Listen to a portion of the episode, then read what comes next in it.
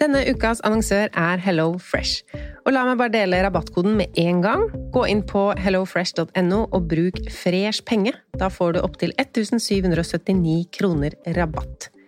Og i dag tenkte jeg å snakke om matplanlegging ut ifra et hva vil jeg egentlig putte i kroppen min-perspektiv. Altså ikke hva som er godt, men hvor mange ganger i uka vil jeg spise fisk, f.eks. Og med Hello Fresh-appen så er dette så fint. Du velger bare ut fra en liste hvilke fem eller fire eller tre middager du vil spise uka etter. Og så kommer matkassa til deg på døra. Og du trenger ikke å tenke noe mer på hva du skal spise. Denne uka så blir det for meg to fiskeretter, to vegetarretter og en kyllingmiddag til guttene. Gå inn på hellofresh.no og se selv hva du kan velge mellom.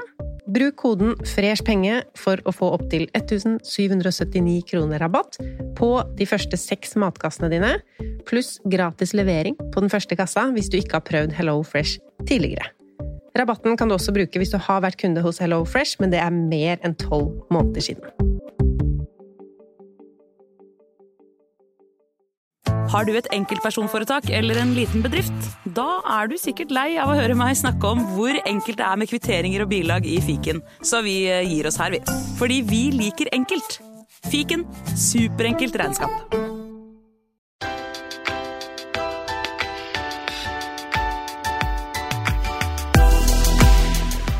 I september 2021 kom vår strømregning på 3100 kroner. Ett år senere, i september 2022, kom vår strømregning på 1873. Altså mindre. Hvorfor det? Det er det iallfall fire grunner til, så velkommen til en podkast med tema strøm. Jeg heter Lise, og hvis du ikke gjør det allerede, så kan du følge meg på Instagram og TikTok. Der heter jeg Pengesnakk. Og har du fulgt med på sosiale medier, så fikk du kanskje med deg at jeg innførte strømsparemåned i september. Det gikk ut på å finne masse måter å spare strøm på, og teste dem ut. Målet mitt var å bruke mindre strøm enn samme måned året før. Og det har gjort at jeg har satt meg inn i en del ting med strøm, hvilke ting som fungerer, så i dag skal jeg gå gjennom både strømstøtteordning, den nye nettleiemodellen, hvordan velge strømavtale, og så en del tips. Og, og det med hvordan er det mulig at det er tider i løpet av måneden hvor man faktisk tjener penger på å bruke strøm? Hvorfor sier folk det? For over et år siden, altså i september i 2021, så begynte jeg å gjøre litt research på strøm. Strømmen hadde jo vært veldig lav, så det hadde ikke vært så mye å hente på å spare på strøm, men det begynte å bli dyrere. Vi hadde nettopp bytta strømselskap, vil si, mannen min hadde bytta strømselskap, og jeg pleier å si at det er veldig bra når begge parter i et samboerforhold bryr seg om økonomien og setter seg inn i avtaler og sånn, men så er jeg ganske glad i å ha fakturaene på mitt navn, så jeg kan sjekke og følge med. Og her også var det noen ting som måtte avbestilles. Så hvis vi skal gjøre denne podkastepisoden her til et slags lite kurs, så er første oppgave les fakturaen. Ikke bare betal beløpet, men trykk deg inn på PDF-en og se hva står det her. Hva er det jeg betaler for? Heldigvis så var det bare en måned siden vi hadde bytta eh, strømleverandør, så skaden var ikke så veldig stor. Men en sånn typisk ting man gjør, da. Papirfaktura. Og det hadde Tom ordna med en gang, så vi slapp det gemyret hver måned. Men her var det et par andre sånne tilleggstjenester vi bare ikke trenger å betale 30 kroner for i måneden. Det var òg en tilleggstjeneste på 45 kroner i måneden, men den hadde de gjort sånn at den var inkludert de første månedene. Eh, vi ringte og avbestilte alt, for opplegget er jo sånn at man skal glemme å avbestille når det ikke er gratis lenger. Så hvis vi hadde beholdt, da, papirfaktura og disse to andre tingene, 59 kroner, 45 kroner, 30 kroner, 134 kroner i bare tull hver eneste måned. Så sjekk opp det, vær så snill. Da kan du heller ta deg ti ekstra dusj i måneden, litt avhengig av strømprisen. Så før vi i det hele tatt tenker på å bytte strømselskap, barber regningen fra leverandøren du har i dag. Mange strømselskaper liker å selge deg billig strøm, men dyre tilleggstjenester du ikke trenger, følger med. Så her gjelder det å være våken, og jeg vet at strøm er en av de tingene som kan virke vanskelig, men å gå inn på chat eller ringe strømleverandøren og si jeg ser at jeg betaler for noe som heter trippelgaranti, ren strømtillegg, bonusprogrammer, det kan du fjerne, og da sparer du penger. Iallfall, da, hvis du skal beholde disse tingene, sett deg inn i hva du har, om du kan få bruk for det. Hvis vi skal gå igjennom dette med strøm litt logisk Vi har jo alle en strømleverandør og en nettleie som vi betaler til netteier. Så det er grunnen til at du kanskje får to fakturaer på strøm hver måned. Det finnes noen selskap som har gjennomfakturering, altså at nettleie og prisen du betaler til strømleverandøren kommer på samme faktura. Det kan jo være ganske kjekt. Men la oss begynne med denne nettleien, for der er det et system som har endra seg. Det er en ny nettleiemodell in town. Og det skjedde 1. juli 2022, så det har ikke vært så mange måneder. Men poenget med den nye nettleiemodellen, den er å jevne ut strømforbruket. Og det kan man derfor spare penger på. Eventuelt du betaler mer om du samler alt strømforbruket ditt de samme timene. Hvis du kommer hjem fra jobb, setter laderen i bilen, at den kan dra så mye den vil, du setter kanskje på en klesvask, litt ekstra varme kanskje, begynner å lage mat både i ommen og komfyren Hvis du setter på alt mulig Det er ikke det mest taktiske når det gjelder nettleie. Og så skal vi komme tilbake til at det ikke nødvendigvis er det aller viktigste, men akkurat nå, la oss se på hvordan vi kan betale minst mulig i nettleie. Og i tillegg til det bidrar i dugnaden for klima, som du egentlig er. Fordi Norge har et strømnett som til visse tider kan bli overbelasta. Og det skjer jo når alle skal bruke strøm samtidig. Da er vi faktisk nødt til å bygge ut dette strømnettet.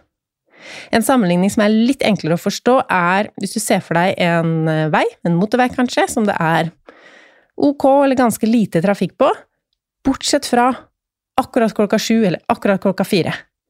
Da er det så mange biler at man blir stående i kø.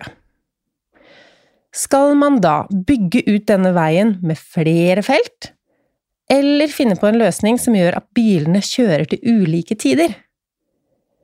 Og det er da det siste man gjør med denne nye nettleiemodellen.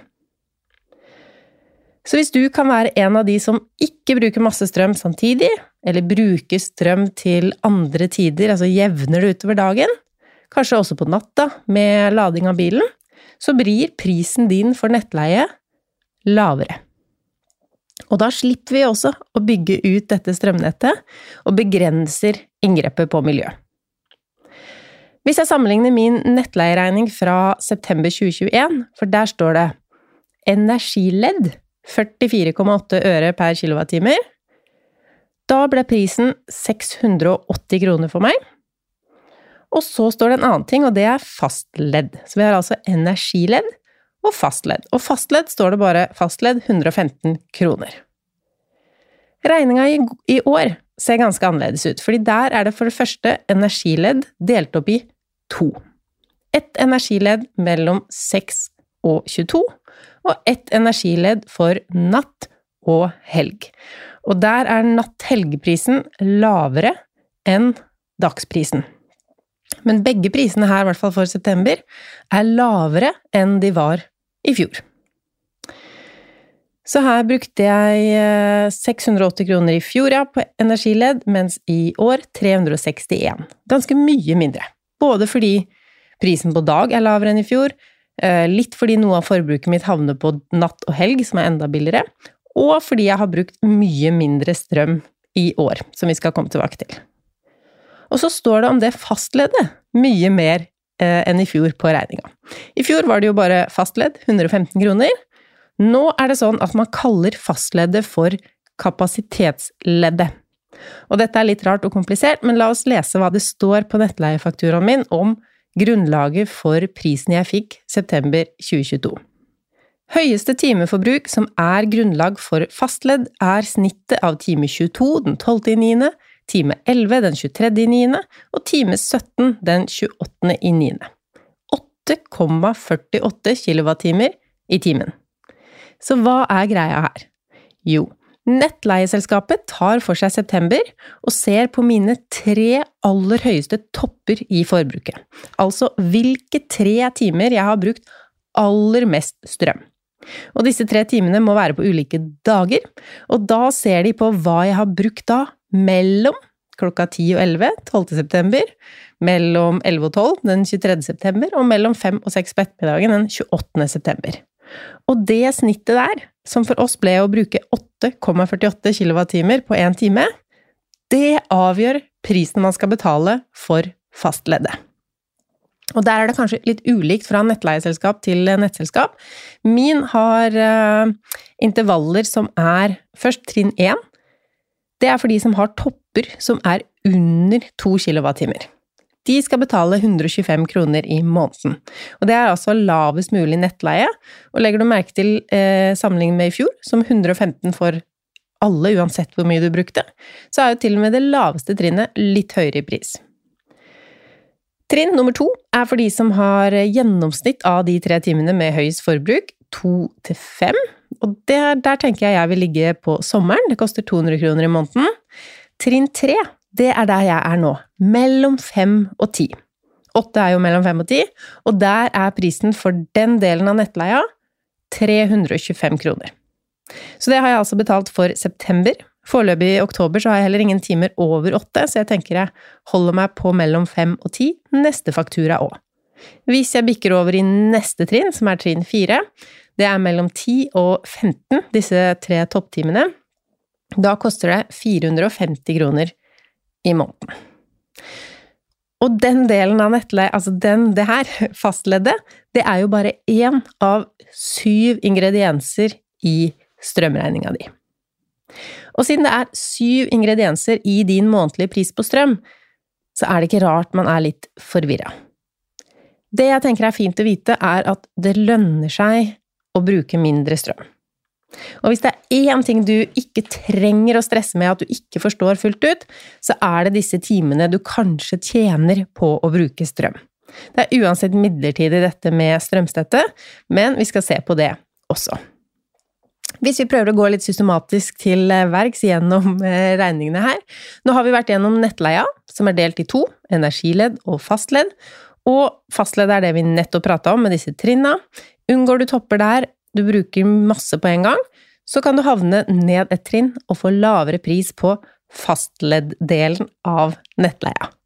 Den andre delen av nettleia er energileddet, og der er prisen lik uansett hvor mye du bruker samtidig eller utover, men det er en litt høyere pris på dagtid mellom 6 og 22 enn eh, på natta og i helger.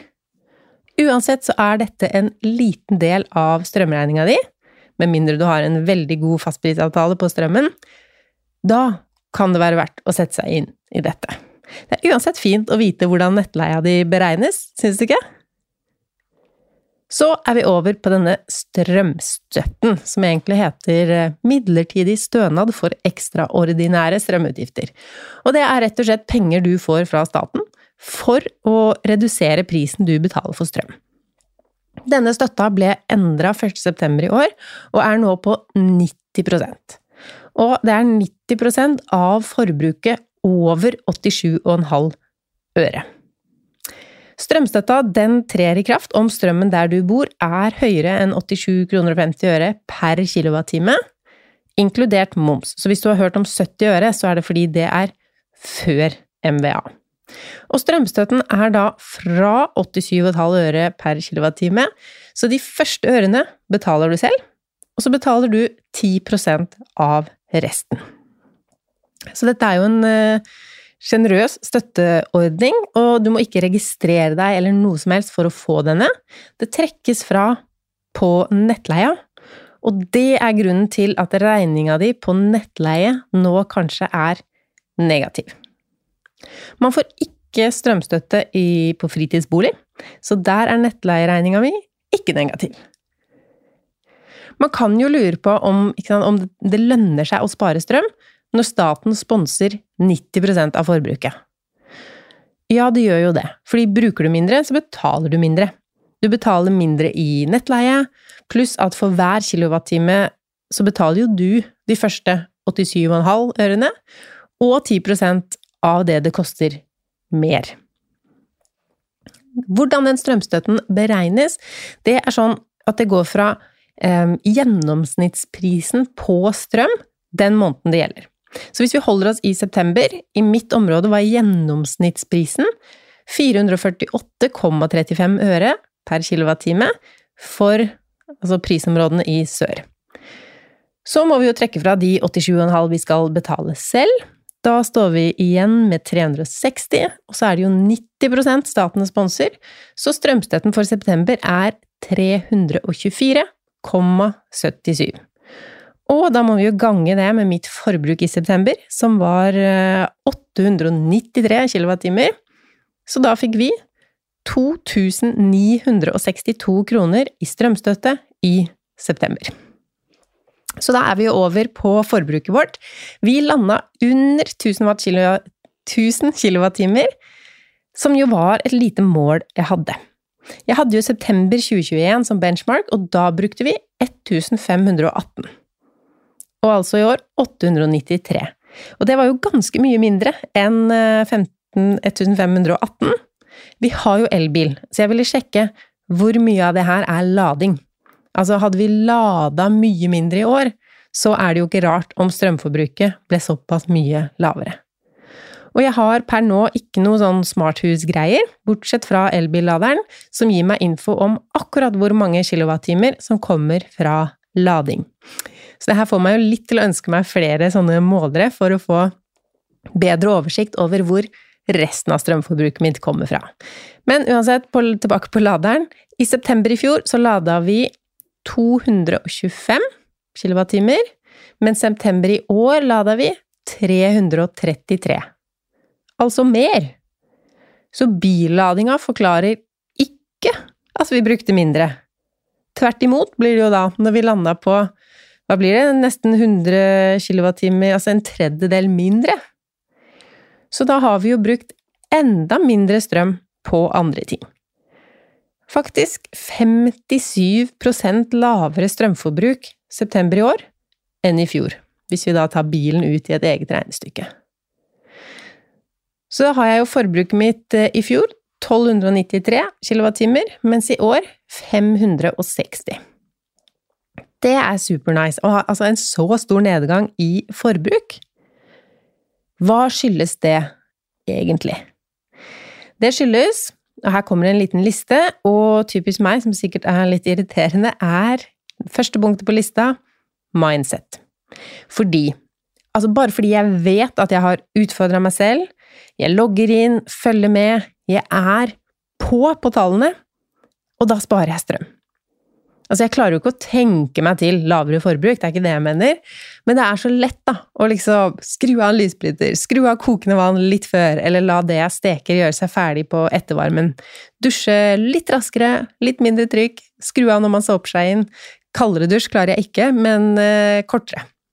Så det får bli punkt to, det med dusjen. Men hvis vi holder oss på punkt én litt til De små tingene som nesten bare skjer når man er litt sånn påkobla på det her med strømsparing, det har gjort en stor forskjell, vil jeg påstå.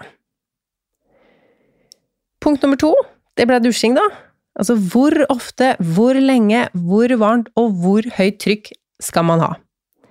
Ekstremvarianten, som faktisk flere av dere har eh, sendt meg, det er jo å bruke en sånn campingdusj hvor man fyller opp kaldt vann, varmer den opp f.eks. over peisen eller ute i sola på sommeren, så jeg har ikke tatt det skrittet enda. Nå i oktober har jo regnet gjort at strømprisene er mye lavere enn i september også.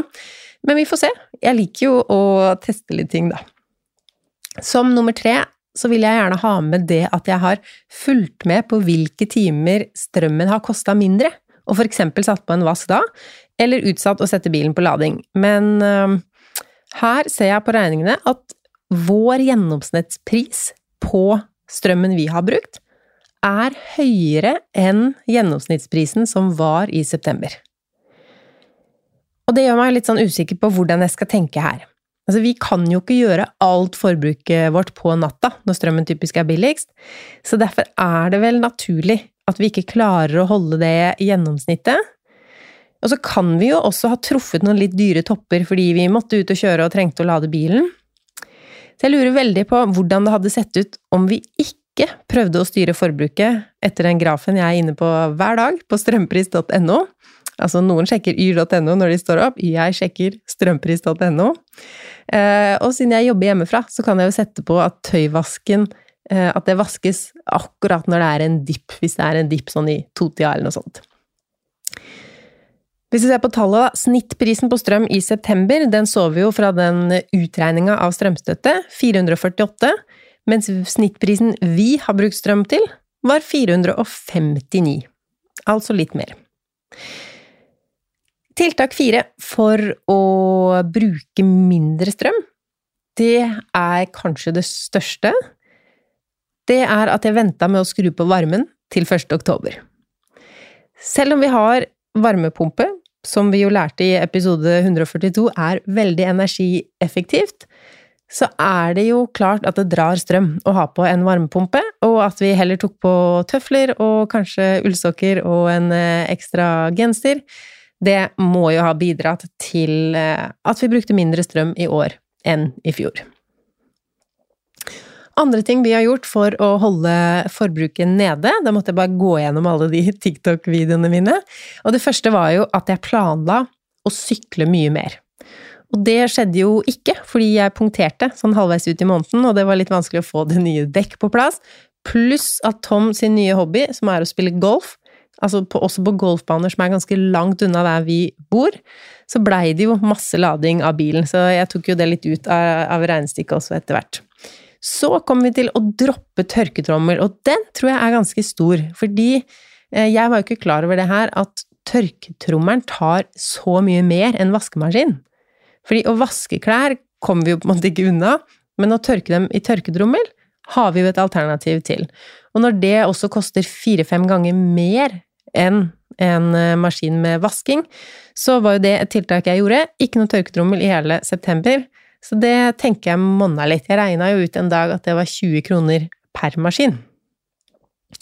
Så hadde vi tiltak som var å tenne på stearinlys og gjøre liksom generelt aktiviteter som ikke bruker TV, nettbrett, mobil. Heller tenne på lys og spille spill. Tanken med de lysa var jo både lys, da, og varme. Bruke mindre varmtvann til eh, å vaske opp. Eh, de tipsene fra TikTok som eh, noen hadde delt med meg, som jeg da delte videre, var blant annet å istedenfor å sette på lokk på kjelen, som jo er et bra tips i seg selv, istedenfor å la alt vannet bare fordampe opp, sett på lokk sånn at varmen holder seg i gryta, men istedenfor å sette på lokk, sett på en kjele med kaldt vann, så vil det vannet varmes opp, og du kan bruke det til oppvasken. Må, ja, og man kan jo også gjøre det her inni ommen. Hvis du eksempel har stekt fisk, tar ut fisken, så kan du sette en kjele med varmt vann inn, kaldt vann mener jeg, som da når du tar det ut igjen, har blitt varmt, og det kan du bruke da til å vaske stekebrettet eller andre ting. Nå må vi jo huske at oppvaskmaskin bruker mindre enn å vaske opp for hånd, men og, altså store kjeler og ting som skal vaskes opp for hånd, bruk lite varmt vann, og disse triksene Umulig å si hva det utgjør på strømregninga, men eh, vi må aldri glemme at alle monner drar. Så var det det med å kle på oss klær inne, så vi ikke må ha det så varmt. Det har funka bra. Og også nå, dette gjør vi noe mer i oktober, hvor vi har skrudd på varmen, lukke dører. Vi har det sånn at kjøkken, stue og spisestue er eh, på en måte ett område, og så døra går ut til gangen og liksom trappa opp til soverom. Og der ute kan vi jo ha det mye kaldere. Så bare ved å passe på å lukke døra til eh, gangen, sånn at varmen holder seg i stue, spisestue og kjøkkenområdene, gjør at vi ikke trenger å ha på like mye varme, eller at det ikke trenger å gå så hardt hele tiden. Så er det jo å rense varmepumpa, som vi snakka om i episode 141 også. Året etter vi hadde fått uh, varmepumpe, så gikk jo den så mye dårligere. Altså, jeg stilte den varmere og varmere, og det var fortsatt ikke noe varmt. Jeg stilte effekten høyere og høyere og høyere. Uh, til jeg kom på det at den uh, skulle vært rengjort, og hadde det laget med støv, eller lo, eller hva det blir, Eh, og med en gang det var borte, så var det jo så kokvarmt at vi måtte ta av oss klærne i stua. Så det har virkelig noe å si på effekten å åpne og rense. Folk sier litt forskjellig, men ta en titt annenhver uke. Hvis det har bygd seg opp et lag, så er annenhver uke et perfekt intervall for deg. Hvis du ikke ser noen ting, så er det kanskje mindre støv, dyrehår, vet ikke, hos deg, at du kan gjøre det litt sjeldnere, men ta i hvert fall en titt. Og så var det jo det med å flytte forbruket til de billigste tidene, men det ser vi jo ikke på antall kilowattimer. Altså? Hvis jeg tørketromler når det er billig, så bruker jo fortsatt tørketrommelen like mye strøm, selv om jeg betaler mindre for de kilowattimene. Og på vaskemaskinen bruke ekoprogram og lavere temperatur når det er mulig. Jeg tar én gang i måneden og setter på en 90 graders eh, vask på kluter og sånn, fordi jeg har lest at det har eh, vaskemaskinen godt av. Hvis man alltid har lavt program, så får man ikke skylt ut, liksom, eller kokt ut alt fra røra. Ok, og så har jeg ikke satt på noe varme fra panelovner. Jeg har kjøpt ved, og så har vi revet badstua. Det er jo kanskje én ting som jeg brukte litt strøm på i september i fjor, å sitte og ta badstue. Eh, og all den, altså inventaret i badstua, skal nå brennes, mens varmepumpa da får stå opp for resten. Så får vi se da, om det blir flere tiltak utover eh, vinteren. Jeg merker jo at motivasjonen min til strømsparing eh, varierer jo litt ut fra prisene. Sånn som i september, hvor det var dyrt. Det passa jo bra med min challenge, for da følte jeg jo virkelig at tiltakene monna. Mens nå som i oktober En ting er at ja, da var liksom den måneden over, men så har også strømprisene vært så mye lavere. Uansett. En regning på strøm på 1873 kroner går bra. Faktisk betalte du mer i strøm på hytta enn hjemme, men det handler jo mest om at det ikke er noe strømstøtte på fritidsbolig, da. For jeg sa jo at det var fire grunner til lavere strømregning på oss i år enn i fjor. Og punkt nummer én er jo så klart strømstøtta, når vi fikk 2900 kroner eh, i strømstøtte. Punkt nummer to er redusert forbruk, altså de tiltakene jeg nå har gått gjennom. Det aller største er jo oppvarming, og så kommer um, oppvarming av varmtvann som nummer to. Så da dusjinga og andre varmtvann, altså man bruker varmtvann. Punkt tre var jo å kutte ut disse tilleggsproduktene på regninga. Og punkt fire at jeg har en bedre strømavtale i fjor enn i år. Omvendt. Jeg har en bedre avtale nå. Faktisk har vi fortsatt en prismatchavtale prismatch-avtale med null i månedsgebyr og negativt påslag. Så jeg driver nå og ser etter de beste avtalene å bytte til når den går ut, for hvis vi ser på selve strømavtalen din, og det er jo en jungel, kan man si, det man alltid har sagt, er at spotprisavtaler er best. Da betaler man en månedspris, kanskje 30 kroner eller 70 kroner, og så er det i tillegg et påslag per kilowattimer. Ikke falle av her nå. Spotpris, det er prisen du kan se i de grafene, f.eks. på strømpris.no, der jeg er inne. Og det er det det koster for selskapene å kjøpe strømmen. Så det viderefakturerer de deg. La oss si at strømprisen akkurat nå er på 2,5 kroner per kilowattime, altså 250 øre. Så er påslaget ditt kanskje 3,9, og da betaler du 253,9 for hver kilowattime du bruker, og så legges månedsprisen på, kanskje er det 39 kroner i måneden. Så du vil jo ha Altså, drømme, drømmetilbud er jo å ha så lavt påslag som mulig, null, men også lavt månedsgebyr. Og så finnes det helt spesielle avtaler om for eksempel forvaltning av strømmen, det finnes variabel pris, pristak eller prisfrys, eh, og så finnes det også fastpris.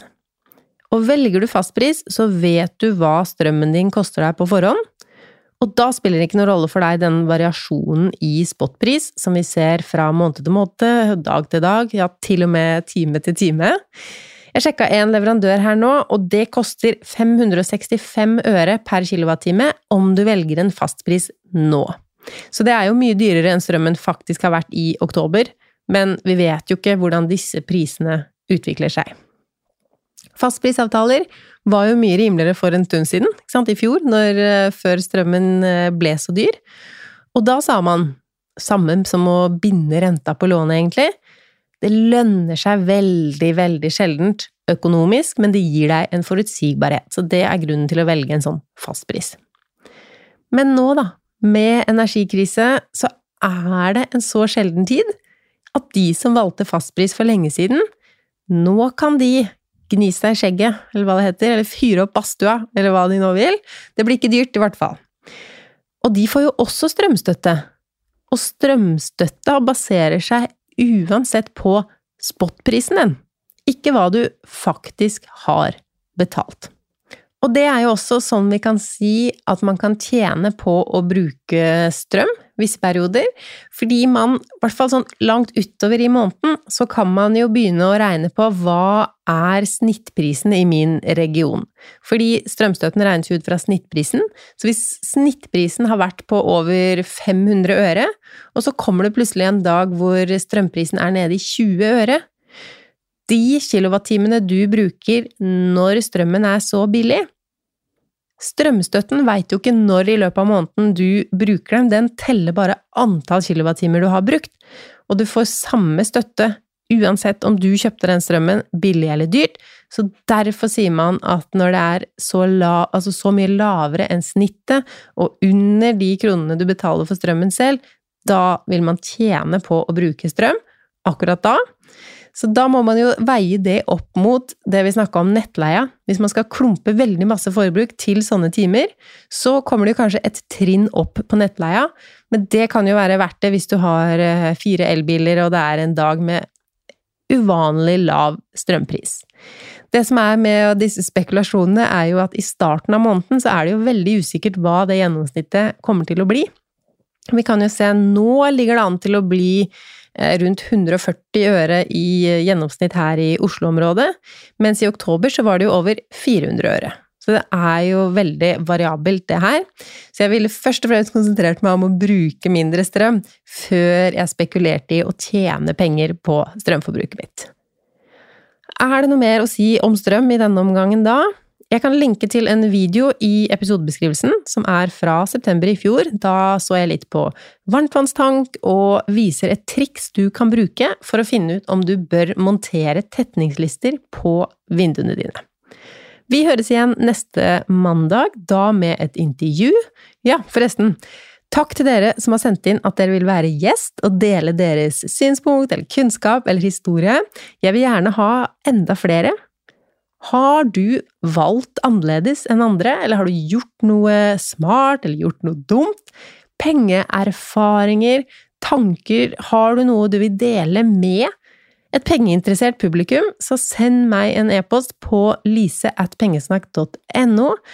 Skriv hvem du er og hva du vil ha som tema i din eh, episode. Det blir veldig stas å få snakke i dybden med noen av dere lyttere. Tenker å lage det som en sånn minisesong med kanskje seks episoder med pengesnakkerne snakker tilbake, eller hva skal vi kalle det? Det kan vi komme tilbake til, men hvis du vil være med, dele din historie, kunnskap, synspunkt, send meg en mail. Utover det, vi snakkes neste mandag her i podkasten, og før det på sosiale medier. Ha det godt!